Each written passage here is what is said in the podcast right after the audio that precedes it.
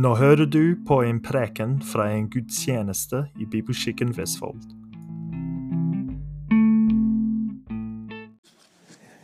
Ja, i dag er den eh, tredje søndagen i advent. Og eh, så langt har vi hørt eh, fra Lukas evangeliet i adventsesongen.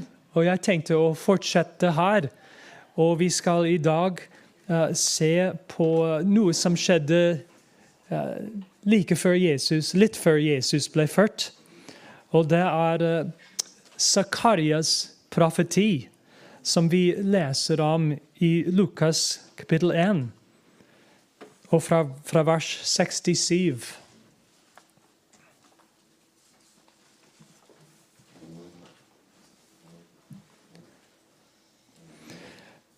Vi skal ikke lese gjennom hele på en gang, men eh, litt om gangen. Og um, jeg tror at uh, gjennom denne profetien skal vi lære mye om, om Kristus. At Gud åpenbarer ting om ham. Ting som vi kanskje er kjent med allerede. Men jeg tror at det uh, kan være til oppmuntring til oss. Og så i tillegg skal vi høre litt mer uh, fra Det gamle testamentet.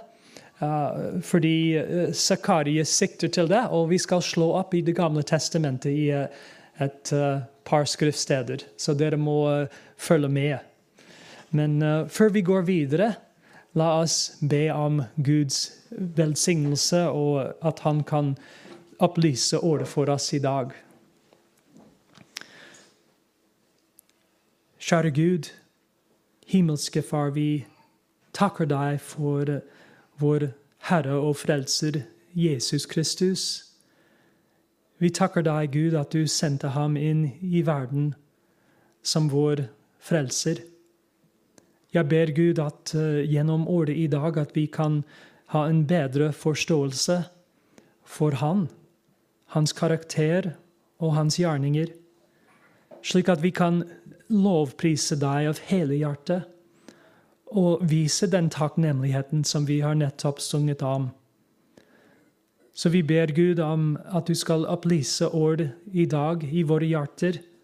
Eh, Gi oss forståelse, Gud, og hjelp oss å anvende det etter din gode vilje. Vi ber dette i Jesu navn. Amen.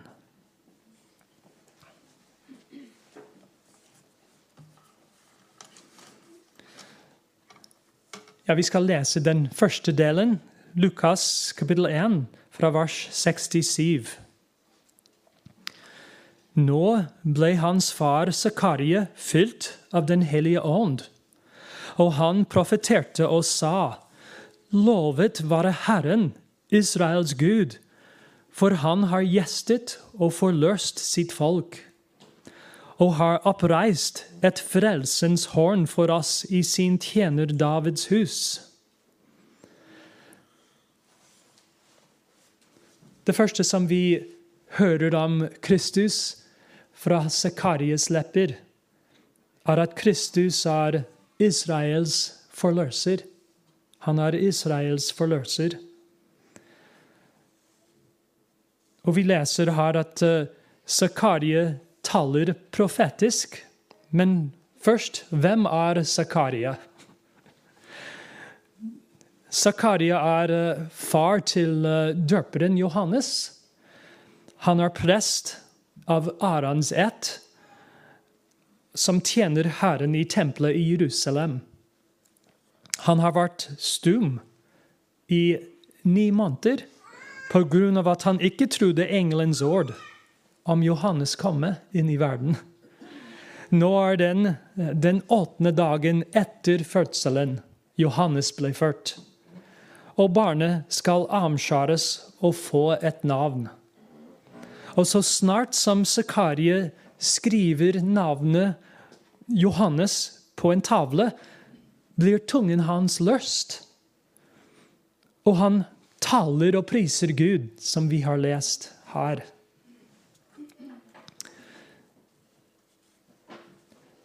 Den er lovprisningen til Gud, først og fremst. Men det er mer enn det. Fordi, som det står i vers 67, eh, taler Zakarie profetisk? Hva innebar det at Zakarie taler profetisk? Uten vers 67 kan vi tro at Zakarie bare taler spontant uh, og gir et personlig inntrykk av hendelsene fra jødisk perspektiv. Jeg har hørt noen kommentarer si akkurat det, at han bare taler spontant. Men vers 67 sier at han ble fylt av Den hellige ånd, og han profeterte. Og det er helt annet enn å tale spontant. Sakarius' budskap handler om Kristus, og det er et budskap fra Guds munn. Jomfru Maria har vært hos Zakaria og Elisabeth i tre måneder. Kristus er bare et foster i magen hennes. Men Gud bekrefter viktige ting om personen i Maries mors liv. Og han taler gjennom Zakaria. Zakarias budskap, hva er det? Han begynner 'Lovet være Herren, Israels Gud'. Hele profetien er en lovprisning til Herren. Han er Israels Gud, den som holder sin pakt med sitt utvalgte folk. Kristus er kommet etter Guds løfte. Han har gjestet og forløst sitt folk, står det her.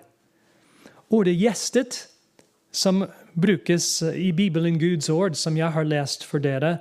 Eh, det ordet betyr å se til med barmhjertighet og velvilje. Kanskje noen av deres oversettelser er eh, litt annerledes, men med samme betydning å se til. Men poenget er at, at Gud ser til sitt folk med velvilje ved å sende Kristus. Han har gjestet sitt folk.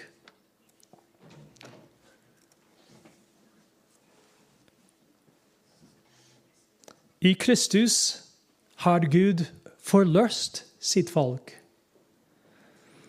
I Det gamle testamentet åpenbarer Gud seg som Israels forløser.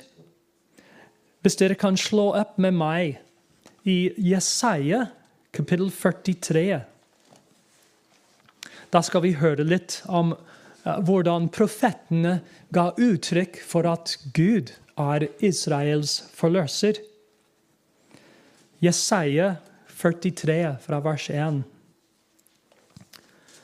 Men nå, så sier Herren, som skapte deg, Jakob, og som formet deg, Israel, frykt ikke, for jeg har forløst deg. Jeg har kalt deg ved navn. Du er min. Går du gjennom vanene, skal jeg være med deg og gjennom elvene skal de ikke skylle over deg. Går du gjennom ilden, skal den ikke svi deg, og flammen skal ikke brenne deg. For jeg er Herren, din Gud, Israels hellige, din frelser. Jeg gir Egypt som løsepenger for deg, Kush og Seba i din sted. Siden du er dyrebar i mine øyne, får du stor ære, og jeg elsker deg. Derfor gir jeg mennesker i stedet for deg, og folk i stedet for din sjel. Frykt ikke, for jeg er med deg. Jeg skal hente din ett fra øst, og jeg skal samle deg fra vest. Jeg vil si til nord, gi dem fra deg, og til sør, hold dem ikke tilbake før mine sønner tilbake langt borte fra, og mine døtre fra jordens ende. Var den som er kalt ved mitt navn, som jeg har skapt til min ære. Jeg formet ham, ja, jeg har dannet ham. Gud sier dette i lys av Israels ulydighet. Det er viktig å vite. Jesaja forsynte dom over Israel på grunn av deres frafall fra Herren.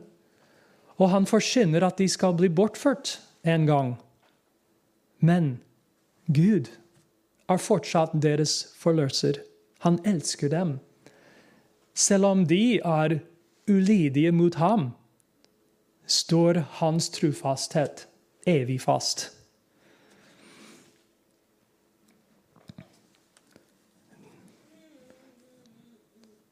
Hvis du går over til uh, vers 22 til 25 i samme kapittel i Jesaja, Jesaja 43, 22, leser vi dette.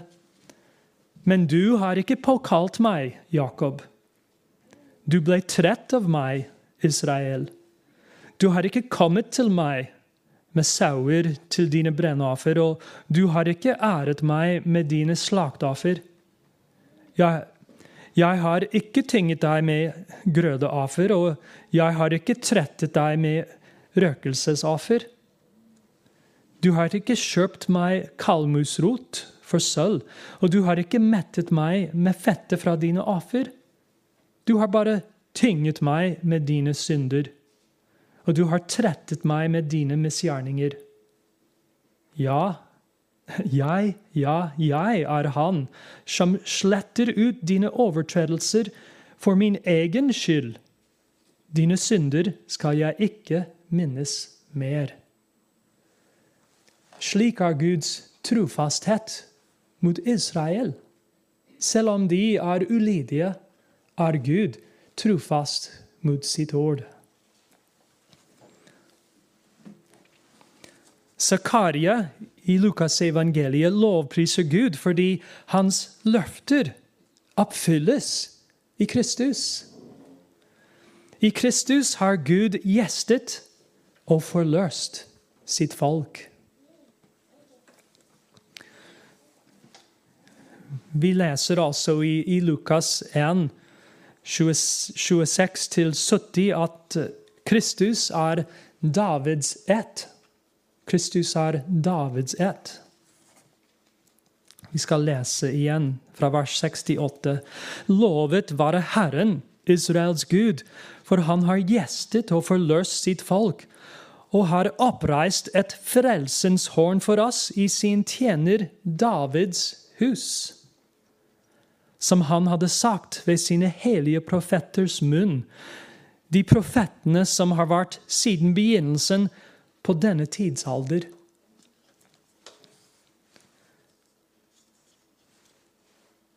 Zakaria sikter til eh, pakten som Gud gjorde med David i 2. Samuels bok, kapittel 7. Vi skal ikke slå opp der, men jeg skal bare gi dere litt bakgrunn. Gud ga David ro fra alle hans fiender rundt omkring. Han gjorde ham til konge over hele Israel. Og David bygde et hus for seg selv og, og bodde der. Og David begynte å tenke hvordan kan jeg bo i et hus mens Herrens paktsark uh, står under et telt? Og han hadde på hjertet å bygge et hus for Gud. Men Gud kom tilbake til David. Og han sa til ham, 'Vet du hva, David? Du skal ikke bygge et hus for meg, men jeg skal bygge et hus for deg.' Gud ga David et løfte i 2. Samuels bok, kapittel 7, og det står der Ditt hus og ditt kongedømme skal stå fast foran ditt ansikt til evig tid. Din trone skal være grunnfestet til evig tid. David var helt lamslått over hva Gud sa om hans kongedomme. Det gikk langt, langt over hva han kunne tenke at Gud ville gjøre for ham. Men det var et løfte som Gud ga. Og selvfølgelig oppfylles det løftet i Kristus. Zakarie nevner at uh, profetene har fortalt om det gjennom årevis. Og vi skal lese et par av disse profetene, bare som dere kan uh, få en, en, blikk i det, og få litt uh, kjennskap til hva uh, profetene sa om at Messias skulle komme fra Davids ett. Vi kan lese f.eks. i Jesaja, kapittel 9. Et kjent skriftsted som vi ofte hører rundt adventstiden men et viktig skriftsted. Jesaja 9 og vers 6.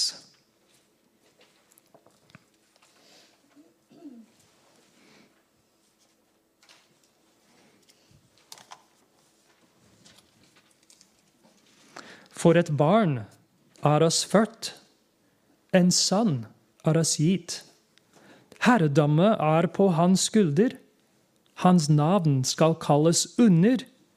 Rådgiver, mektig Gud, evig far og freds fyrste. Herredømmet skal bre seg hvitt, og freden skal være uten ende over Davids trone og over hans kongerike, for å grunnfeste det og holde det oppe ved rett og rettferdighet fra nå av og til evig tid. Herskarenes Herres nidkjærhet skal gjøre dette. Og for et løfte! At Jesus skulle komme og regjere som konge på Davids trone på denne måten. Hvis vi går til eh, neste bok i Bibelen, Jeremia Profeten Jeremia forkynte altså om det samme i kapittel 23 av vers 5.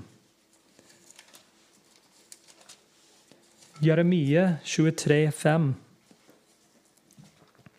Se, dager kommer, sier Herren, da jeg skal reise opp den rettferdige spiren for David, kongen som skal være konge og gå fram i visdom og gjøre rett og rettferdighet i landet.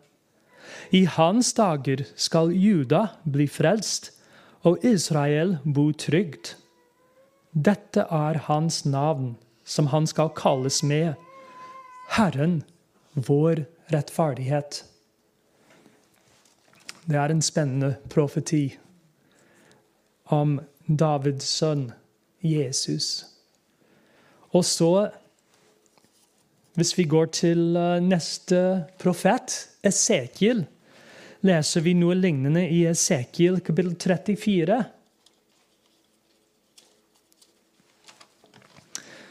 Og vers 23. Esekiel 34, 23. Jeg skal oppreise en hyrde over dem, og han skal røkte dem min tjener David, han skal røkte dem og være deres hyrde. Og jeg, Herren, skal være deres Gud, og min tjener David skal være fyrsten blant dem. Jeg, Herren, har talt. Vi kunne lese mange flere lignende skriftsteder fra Det gamle testamentet om om Jesus som skulle komme og regjere og, og være konge på Davids trone. Men det holder med disse tre, bare for å, å gi dere litt kjennskap til det. Og Zakaria forkynner nå i ånden at Guds løfte til David er oppfylt i Kristus. Han er kongen som løftet handler om. Han er til stede i Maries mors liv.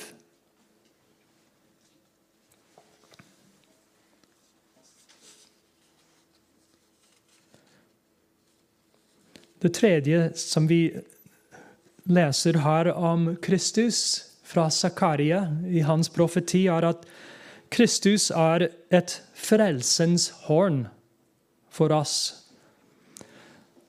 Det var det som vi leste i vers 68.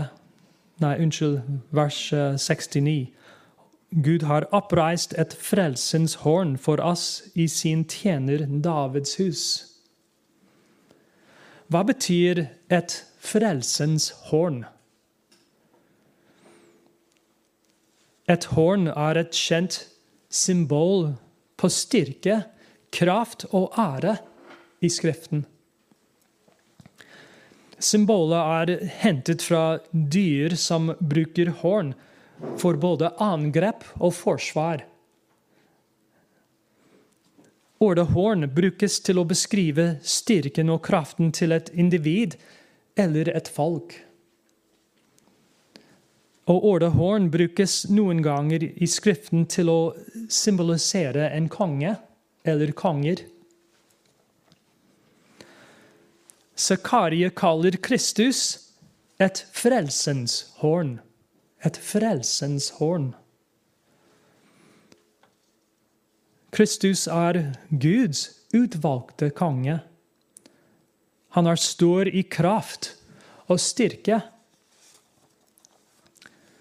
Kristi kraft til å frelse blir kunngjort her av Zakaria. Når han kaller Kristus et frelsens horn, betyr det at han er en mektig frelser. Gud har oppreist et frelsens horn for oss, står det. I konteksten refererer dette til Guds folk, Israel. Gud har oppreist et frelsens horn for oss, vi som er israelitter.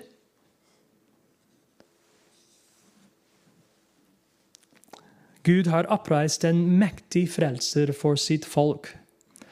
Og Den hellige ånd åpenbarer videre gjennom Zakarie hvordan Kristus skal frelse sitt folk. Det er det som vi skal lese nå. Kristus skal frelse for det første. Han skal frelse fysisk. Vi leser fra vers 71. Kanskje det er bedre å gå litt tilbake. Nei, vi begynner ved 71. Om en frelse fra våre fiender og ut av hånden på alle dem som hater oss, for å vise den miskunn som ble lovt våre fedre, og å minne sin hellige pakt. Dette var den ed han tilsverget vår far Abraham, at han ville gi oss vi som var utfridd fra våre fienders hånd, og få tjene ham uten frykt, i hellighet og rettferdighet framfor ham alle våre livs dager. To ganger leser vi at Kristus skal frelse folket fysisk. Frelsen er fra våre fiender og ut av hånden på alle den som hater oss. Så det er en fysisk frelse han taler om først.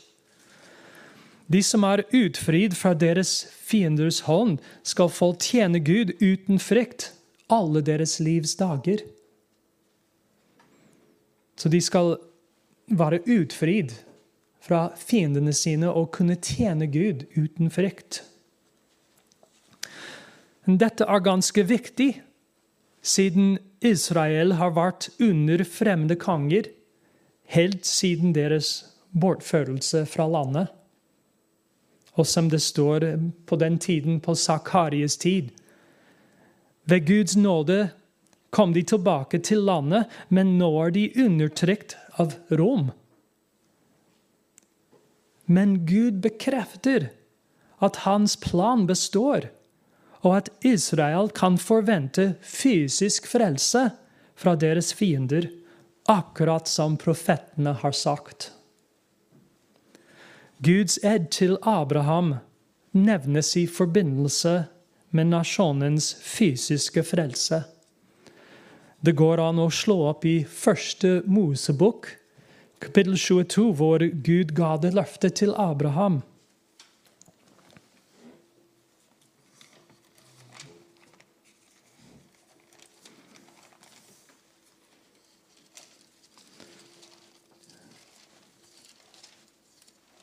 Første Mosebok, kapittel 22.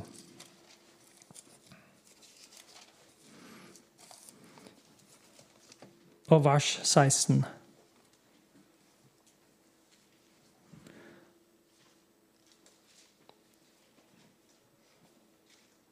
Kanskje vi bør begynne i vers 15. Da ropte Herrens engel til Abraham fra himmelen fra for andre gang og sa:" Ved meg selv har jeg sverget, sier Herren. Fordi du har gjort dette og ikke sparte din egen sønn, din enbårne sønn, skal jeg rikelig velsigne deg og gjøre din ett tallrik som stjernene på himmelen og sanden på havets strand. Og din ett skal innta portene til sine fiender. I din ett skal alle folkeslag på jorden bli velsignet, fordi du var lydig mot min røst. Så den eden som Gud sverget, og det er alvorlig når Gud sverger om noe den eden har tre deler. Den første delen er at eh, han skulle gjøre Abrahams ett tallrik som stjernene på himmelen. Den andre delen var at eh, din ett skal innta portene til sine fiender. Og den tredje delen er at i hans ett skal Ja, hvor er det i din ett skal alle folkeslag på jorden bli velsignet. Men det var den, den andre punkt, det andre punktet som Zakarie eh, sikter til i Lukas. For det første I det andre punkt i løftet sier Gud din ett skal innta portene til sine fiender.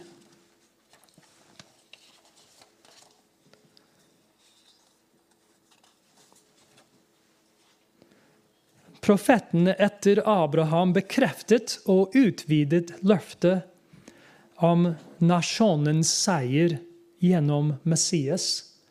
Og jeg vil gjerne eh, slå opp eh, et par profetier med dere for å vise at eh, profetene tok disse ordene fra, fra Gud til Abraham og bygde på dem og utvidet det på en, på en måte. Vi kan lese f.eks. i Jeremia kapittel 30.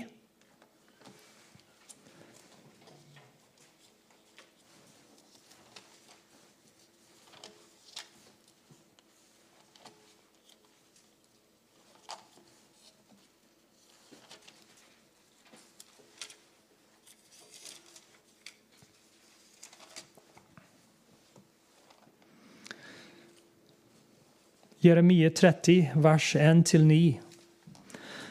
Dette året kom til Jeremie fra Herren, og det lød slik.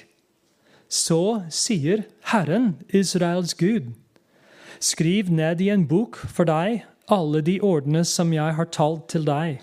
For se, de dager kommer, sier Herren, da jeg skal føre mitt folk Israel og Juda tilbake fra fangenskapet, sier Herren.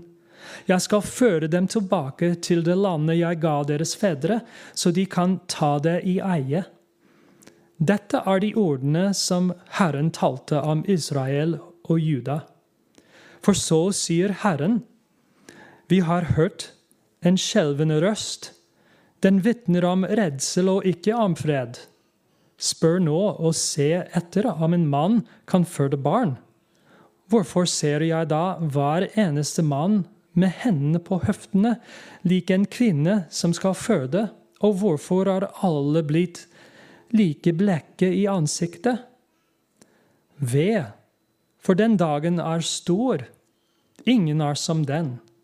Det blir en trengselstid for Jakob, men han skal bli frelst ut av den. For på den dagen skal det skje, sier herskarenes herre, at jeg skal bryte hans åk i stykker og løfte det av din nakke, og dine bånd skal jeg rive av. Fremmede skal ikke mer gjøre ham til slave. men de skal tjene Herren sin Gud og David sin konge, som jeg skal reise opp for dem. Dette ordet ble delvis oppfylt da Gud førte folket tilbake fra fangenskapet etter de 70 årene var omme. Men du kan se at det, det var bare en delvis oppfyllelse.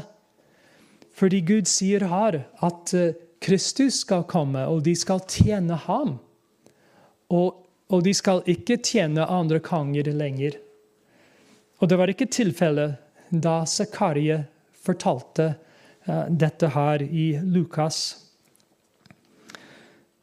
Også vi kan lese noe lignende i Esekiel, neste boken i Bibelen etter Jeremia. Esekiel 37.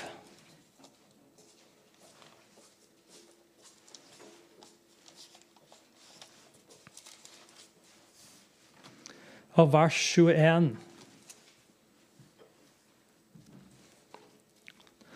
Så skal du si til dem, så sier Herren Gud, se, jeg skal ta Israels barn ut fra folkeslagene hvor de enn har dratt og jeg skal samle dem fra alle kanter og føre dem inn i deres eget land.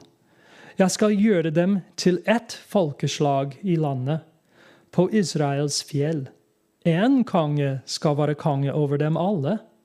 De skal ikke lenger være to folkeslag, og de skal ikke deles i to kongeriker igjen. De skal ikke mer gjøre seg urene med sine avguder, sine avskyelige gudebilder eller med noen av sine overtredelser. Men jeg skal frelse dem fra alle stedene der de bor, der de har syndet, og jeg skal rense dem. De skal være mitt folk, og jeg skal være deres Gud. Min tjener David skal være konge over dem, og en hyrde skal være over dem alle. De skal følge mine dommer og holde mine lover og gjøre etter dem. Vi kunne lese mange flere like profetier, men poenget er at Guds plan for Israels fysisk frelse gjelder fortsatt, selv i Zakarias dager. Og han bekrefter det gjennom Zakarias profeti i Lukas 1. Kristus er i morsliv til Maria. Og han er den som skal utføre Guds plan. Kristus er en mektig frelser. Han skal frelse Israel fysisk, men, og dette er kanskje det viktigste, han skal altså frelse dem åndelig. Vi har allerede sett litt av det i ordene som vi har lest, men vi skal se litt nærmere på det i Lukas 1, fra vers 76. Og du, barn, skal kalles den høyestes profet, for du skal gå foran Herrens åsinn for å rydde hans veier, for å gi hans folk kunnskap om frelse ved forlatelse for deres synder, ved vår Guds inderlige barmhjertighet. Ved dette har soloppgangen fra det høye gjestet oss, for å gi lys til dem som sitter i mørket og dødsskygge, for å lede våre føtter inn på fredens vei.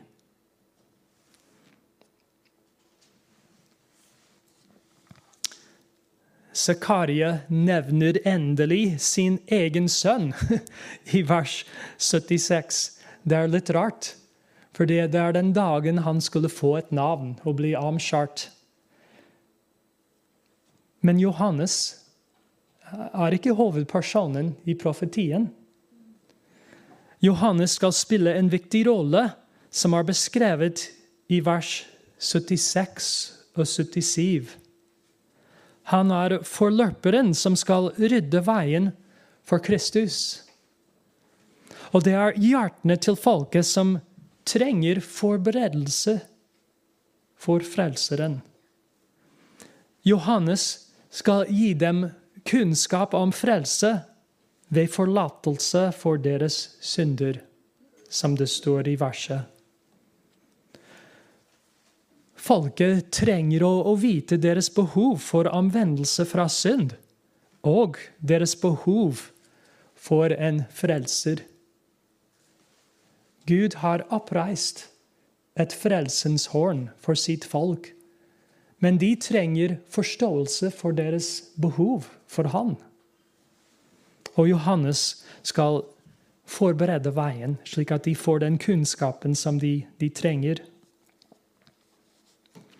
Selv om Johannes har en viktig rolle, er hovedpersonen i profetien fortsatt Kristus. Han er den som kommer på grunn av Guds inderlige barmhjertighet. Han er soloppgangen fra det høye. Han er den som skal gi dem hellighet og rettferdighet. Vi må tilbake til vers 75. Det sto der fra vers 74 at han ville gi oss, vi som var utfridd fra våre fienders hånd, og få tjene ham uten frykt, i hellighet og rettferdighet framfor ham alle våre livsdager. Så Kristus skal ikke bare frelse dem fysisk og, og gi dem eh, den, den, freden som de, de lengter etter, men han skal frelse dem åndelig og gi dem rettferdighet. Den profetien som vi leste allerede fra Jeremia, eh, sier at han skal kalles Herren, vår rettferdighet. Og vi har god forståelse for det. Fordi, fordi det er gjennom Jesu Kristi dør på korset at Gud tilregner, oss Kristi rettferdighet. Vi blir Guds rettferdighet i ham, i Kristus.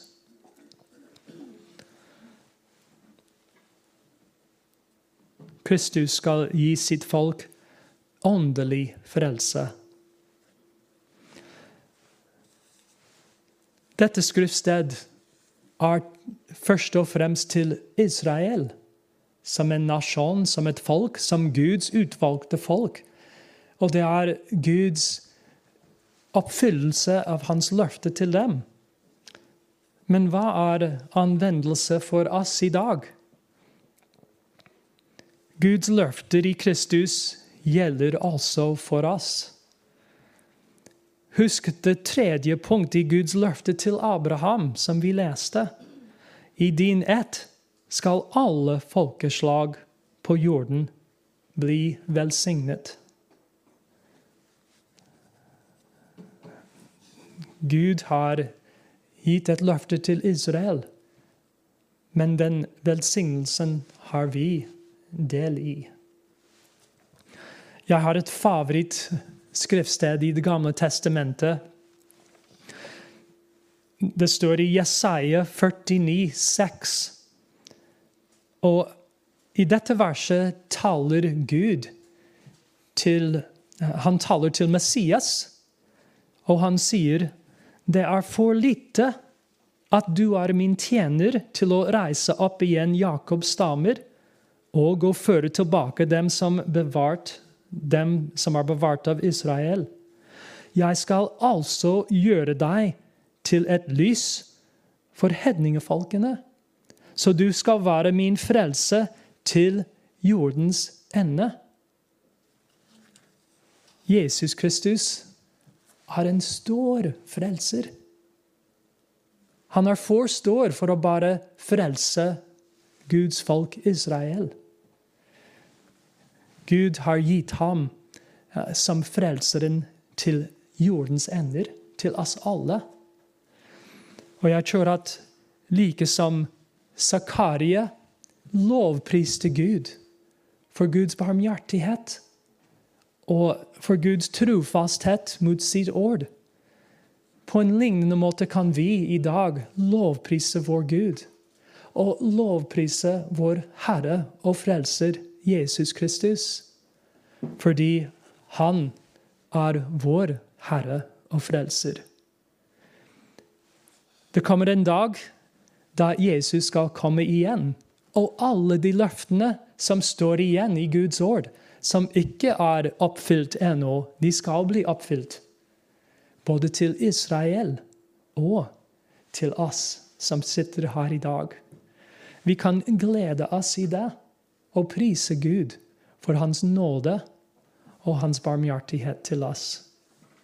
La oss be sammen.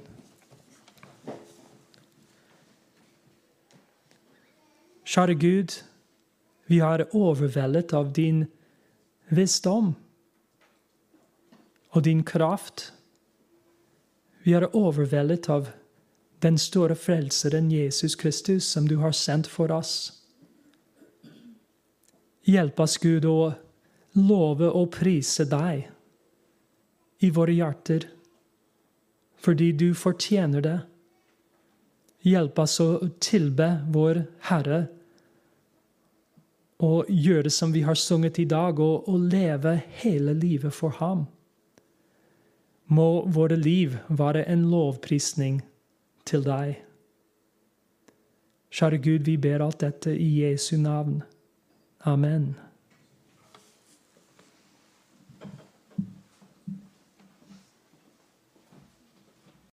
Takk for at du hørte på denne prekenen. Ønsker du mer informasjon, besøk bibelkirken.com eller vår Facebook-side Bibelkirken Vestfold.